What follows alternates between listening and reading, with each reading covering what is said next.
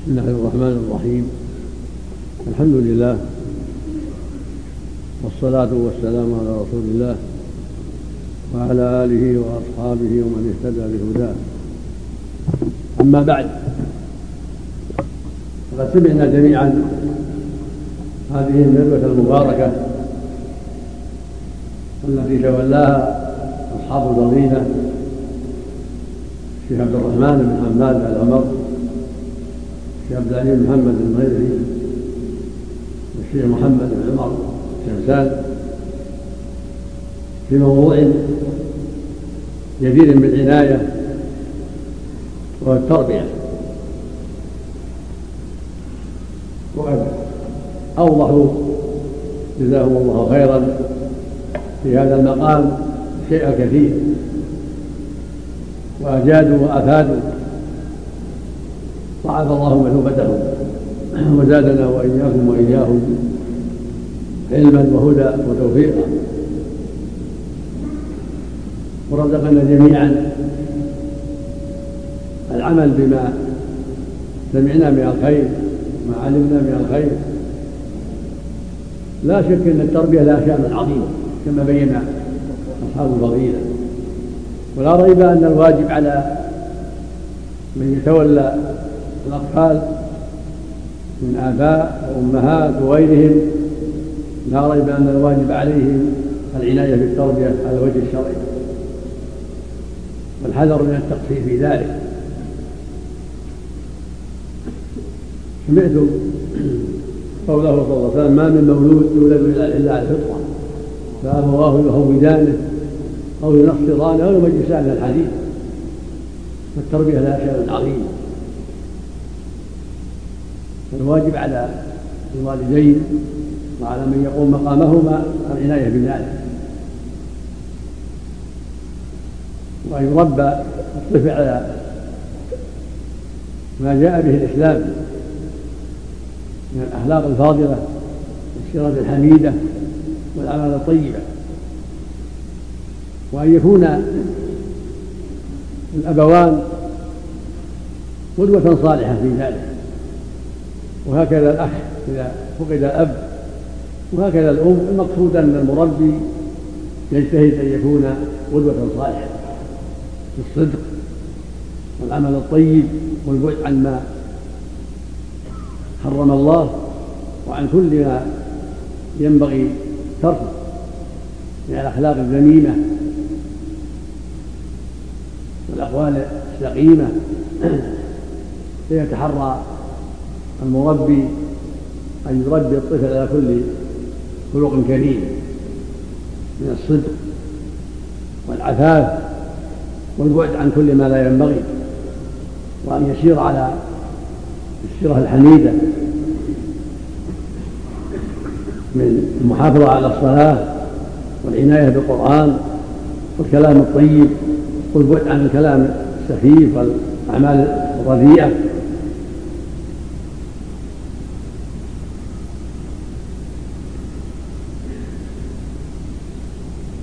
قال عليه الصلاة والسلام في الحديث الصحيح مروا أبناءكم بالصلاة لسبع واضربوهم عليها لعشر كل هذا من التربية. ولا ريب أيضا أن العدل بين الأولاد من أسباب سلامة قلوبهم وتعاونهم على الخير. في قوله عليه الصلاة والسلام اتقوا الله واعدلوا بين أولادكم.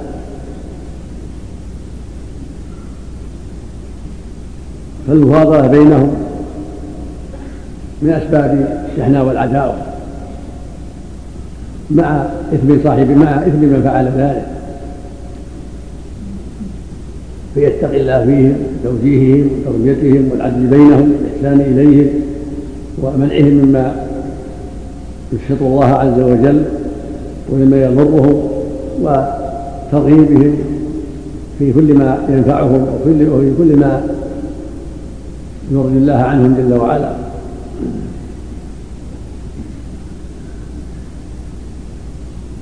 وهكذا مع الزوجات هكذا مع الأيتام لأخيه أو عمه أو لغيره وهكذا مع العملة والخدم يعتني بالإحسان إليهم وتربيتهم تربية إسلامية. وحملهم على الأخلاق الفاضلة والسيرة الحميدة. يقول جل وعلا يا أيها الذين آمنوا قوا أنفسكم وأهلكم نارا وقودها الناس والحجارة. ويقول جل وعلا للنبي صلى الله عليه وسلم وأمر أهلك بالصلاة واصطبر عليها. ويقول في قصة إسماعيل نبي الله ورسوله واذكر كتاب إسماعيل إنه كان صادق الوعد وكان رسولا نبيا عليه الصلاة والسلام. وكان يأمر أهله بالصلاة والزكاة وكان عند ربه مرضيا. فالواجب على من تولى الصغار والأيتام له أو لغيره أن يتقي أن يتقي الله فيهم ويجتهد في أسباب صلاحهم. وهكذا من تولى غيرهم من عمال وخدم وغير ذلك وهكذا مع زوجاته وهكذا مع أهل بيته عموما.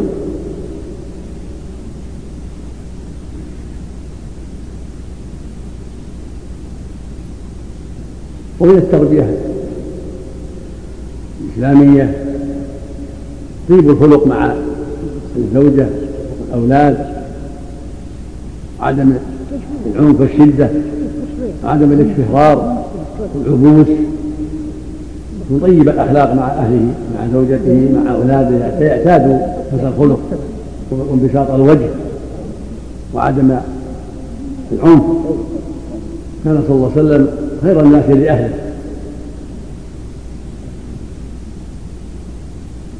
في الحديث أكمل الناس إيمانا أحسن الخلق.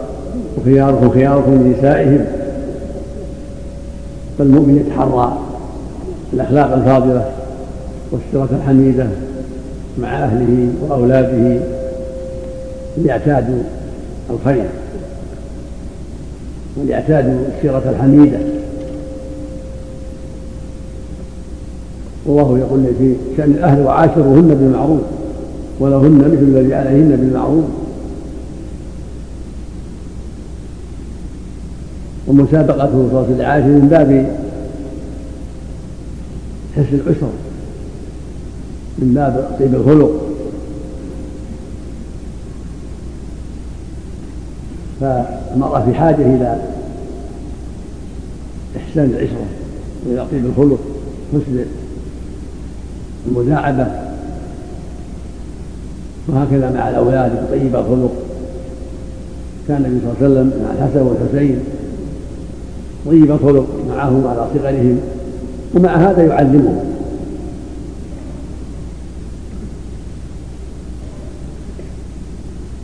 ولما أخذ الحسن تمرة من تمر الصدقة وهو صغير في سن السابعة أو في أول الثامنة قال له كفن كفن. وطاحت تمرة قال أما علمت أن الصدقة لا تحل لآل محمد. إنما هي أوساخ الناس وهو صغير علمه.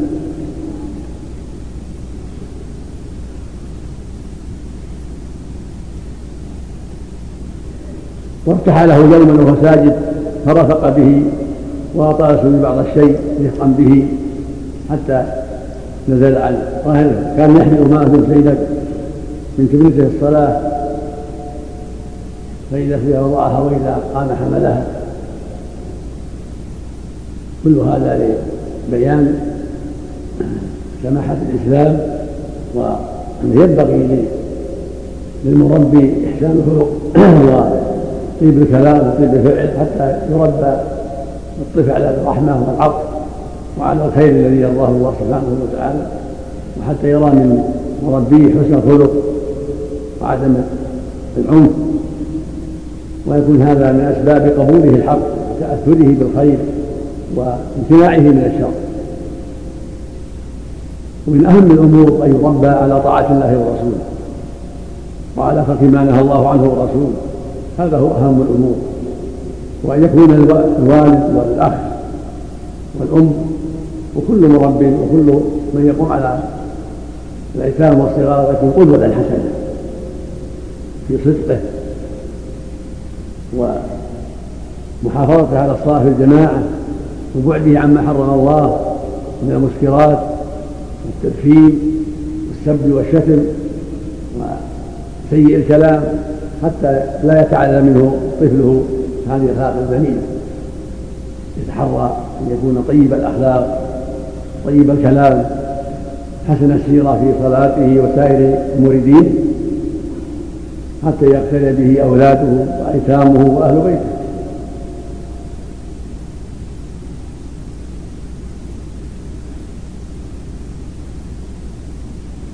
المسؤول ان يوفق المسلمين جميعا بما فيه رضاه وان يصلح قلوبهم وأعمالهم وان يمنحهم الاستقامة على دينه وأن يربوا من تحت أيديهم على الوجه الذي يرضيه سبحانه وتعالى وان يعين الجميع من مضلات الفتن. ومما ينبغي للمسلمين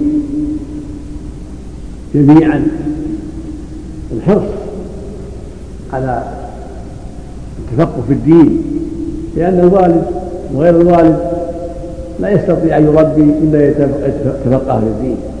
ينفق مما لديه ومن المهم أن يتفقه في الدين كل واحد ويتعلم حتى يعلم من تحت يده. ولهذا يقول عليه الصلاة والسلام من يرد الله به خيرا يفقهه في الدين. فكل واحد من المسلمين وهكذا من المسلمات الواجب على كل يتفقه في الدين والتبصر والتعلم وسؤال أهل العلم عما أشكل عليه حتى يكون على بصيرة. وأعظم سبب في ذلك العناية بالقرآن الكريم والاكثار من تلاوته والتدبر التدبر والتفقه والتعلم. يقرأ قراءة متدبر يريد العلم يريد الفائدة يريد أن يعرف ما يرضي الله فيعمل به وأن يعرف ما يسر الله فيجتنبه. كتاب أنزلناه إليك مبارك ليدبروا آياته وليتذكر أولو الألباب. فالمؤمن يتدبر القرآن ويكثر من تلاوته والمؤمن كذلك وإذا كان لا يقرأ يستمع يستمع القرآن ممن يقرأه من إخوانه إذا جلسوا يقرا عليهم أحدهم يستمعون ويستفيدون. وإذا كان طالب علم وجههم إلى الخير وعلمهم وأفادهم. ويستمع أيضا من إذاعة القرآن وما فيها من الخير برنامج نور على الدرب أو برنامج مفيد يجتهد في طلب العلم التفقه في الدين؟ وهكذا العناية بسنة الرسول صلى الله عليه وسلم والحرص على التفقه فيها. طالب العلم يعتني بذلك ويفقه من بيده. العلم بالتعلم. فاقد الشيء لا يعطيه. إذا كان الوالد والأخ والوالدة ليس عندهم علم كيف يعلمون أولادهم؟ كيف يوقفونهم؟ فالواجب على كل مؤمن وعلى كل مؤمنة التفقه في الدين. كل واحد عليه أن يتعلم يجب عليه يتعلم ما لا يفعل جهلا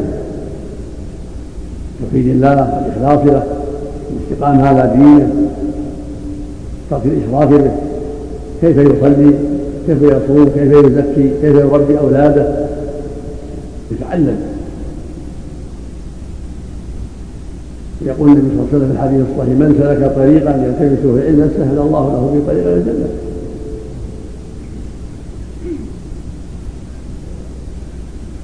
وأعظم سبب للتفقيه والتعليم والتوجيه كتاب الله. إن هذا القرآن يهدي التي والسنة سنة الرسول صلى الله عليه وسلم هو المعلم المرشد وأرفق الناس وأرحم الناس. قد بلغ البلاغ المبين عليه الصلاة والسلام فعلى المسلم أن يتعلم ويتفقه وعلى العلماء أن يبينوا ويرشدوا وعلى الجاهل أن يسأل ويتفقه ولا يقدم على ما يجهل بل يسأل يتفقه في الدين.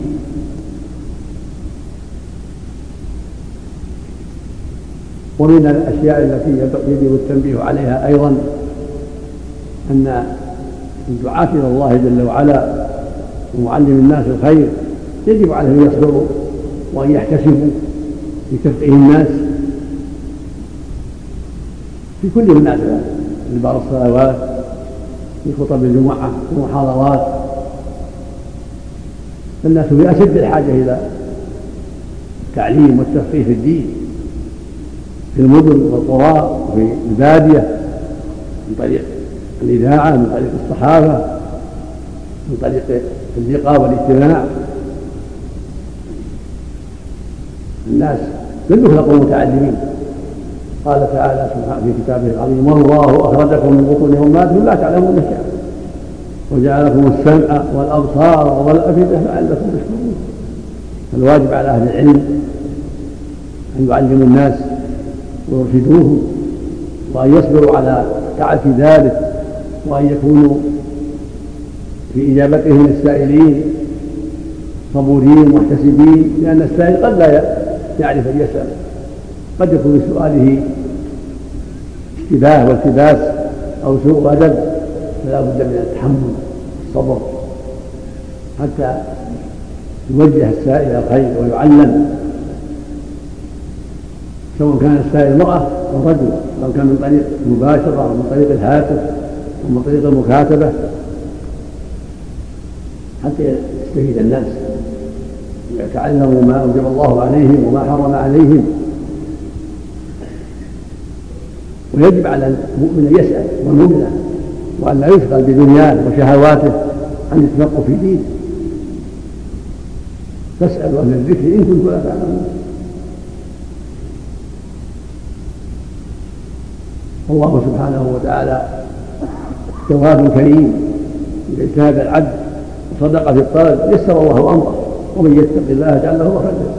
إذا صدق السائل في طلب العلم والتفقه في الدين يسر الله أمره ويسر له من يعلمه ويرفق به. والرفق أمر مطلوب. يقول النبي صلى الله عليه وسلم من يخان الرفق يخان خير صنعه إن الرفق لا يكون شيء إلا زانه ولا ينزع من شيء إلا شانه. وعلى الدعاة أن يخاطبوا الناس بالأساليب التي يفهمونها. حدثوا الناس ما يعرفون كما قال عليه الله حدثوا الناس ما يعرفون. قد تحبون إن يكذب الله ورسوله. قال مسعود رضي الله عنه ما أنت بمحدث قوما حديثا لا تبلغه عقولهم إلا كان لبعضهم فتنه فيحدث الناس بما يفهمون في خطب الجمعة في المحاضرات وفي الندوات وفي المجالس الخاصة. وفي الرسائل التي يجيب بها السائل عن سؤاله في الهاتف يخاطبه بالعبارات الواضحة التي يفهمها ويكررها عليه يكررها حتى يفهمها السائل بالأسلوب الذي يظن أنه يحصل به المطلوب. وعلى السائل أن يحسن السؤال إذا سأل ويكون بأدب ودفء وحكمة. وطلب الفائدة وقصد صالح يسأل بأسلوب حسن بقصد طيب يسأل المحاضر. يسأل المدرس. يسأله بأسلوب حسن بنية صالحة يريد العلم. لا بأسلوب جاف ولا بشدة ولا بعبارات غير واضحة. بل يسأل بأسلوب حسن بأسلوب طيب. بنية صالحة حتى تحصل له الفائدة وإذا كان عنده إشكال فيما سمع يسأل عما أشكل عليه المحاضر أو المدرس أو غيره ممن يتحدث معه بالأسلوب الحسن بنية صالحة حتى ينفتح المسؤول بالإجابة وحتى يجيب بالجواب الذي يهديه الله له ويوفقه له. ثم أمر آخر وهو أن الواجب على طلبة العلم وعلى أهل العلم مع إخوانهم العلماء الواجب عليهم حسن الظن وطيب الكلام والبعد عن سيء الكلام. فالدعاة إلى الله جل وعلا حقهم عظيم على المجتمع. والعلماء حقهم عظيم على المجتمع. فالواجب أن يساعدوا على مهمتهم بالكلام الطيب والأسلوب الحسن والظن الصالح. الطيب لا بالعنف والشدة ولا بتتبع الأخطاء وإشاعتها بالتنفير من فلان أو التنفير من فلان. يجب أن يكون طالب العلم ويكون السائل يقصد الخير يقصد الفائدة. فيسأل عن ما يهمه وإذا وقع خطأ أو إشكال سأل عنه بالرفق والحكمة والنية الصالحة حتى يزول الإشكال. كل إنسان يخطئ ويصيب. ما في أحد معصوم إلا الرسل عليه الصلاة والسلام. الرسل معصومون بإجماع المسلمين فيما يبلغونه عن الله من الشرائع معصومون.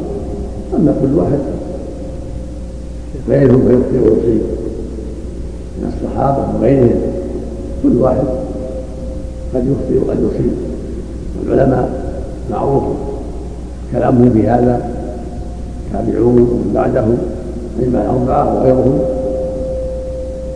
ليس معنى الداعية أنه معصوم أو العالم أنه معصوم المدرس أو الخطيب لا قد يقع منه.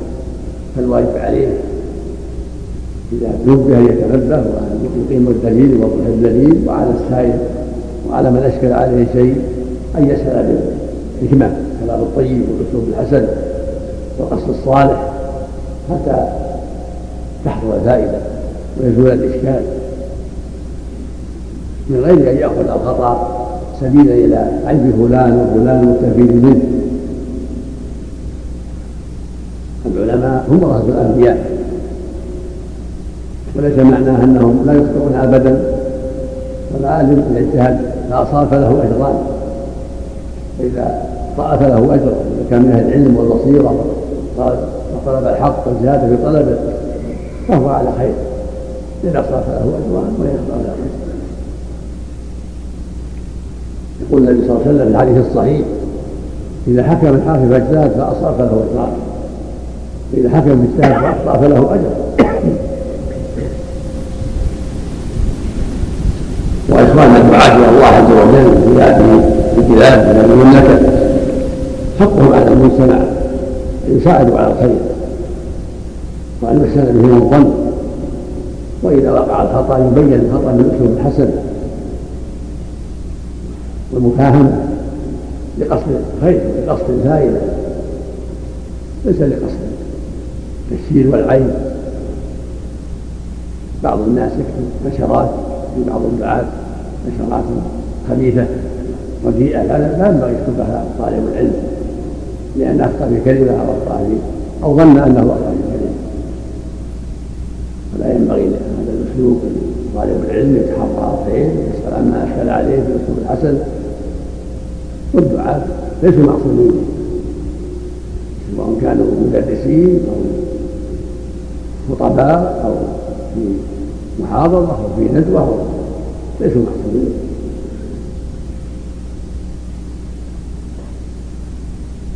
ومن ذلك ما وقع في هذه الأيام من قبل أيام من بعض الدعاة الواجب على مثل الشيخ محمد أمان الجاني مثل الشيخ سلمان العودة مثل الشرع والحوالي مثل الشيخ فالح النافع الحربي مثل الشيخ ربيع بن هادي غيرهم من الدعاة المعروفين بالعقيدة الطيبة وحسن السيرة معروفين من أهل السنة والجماعة.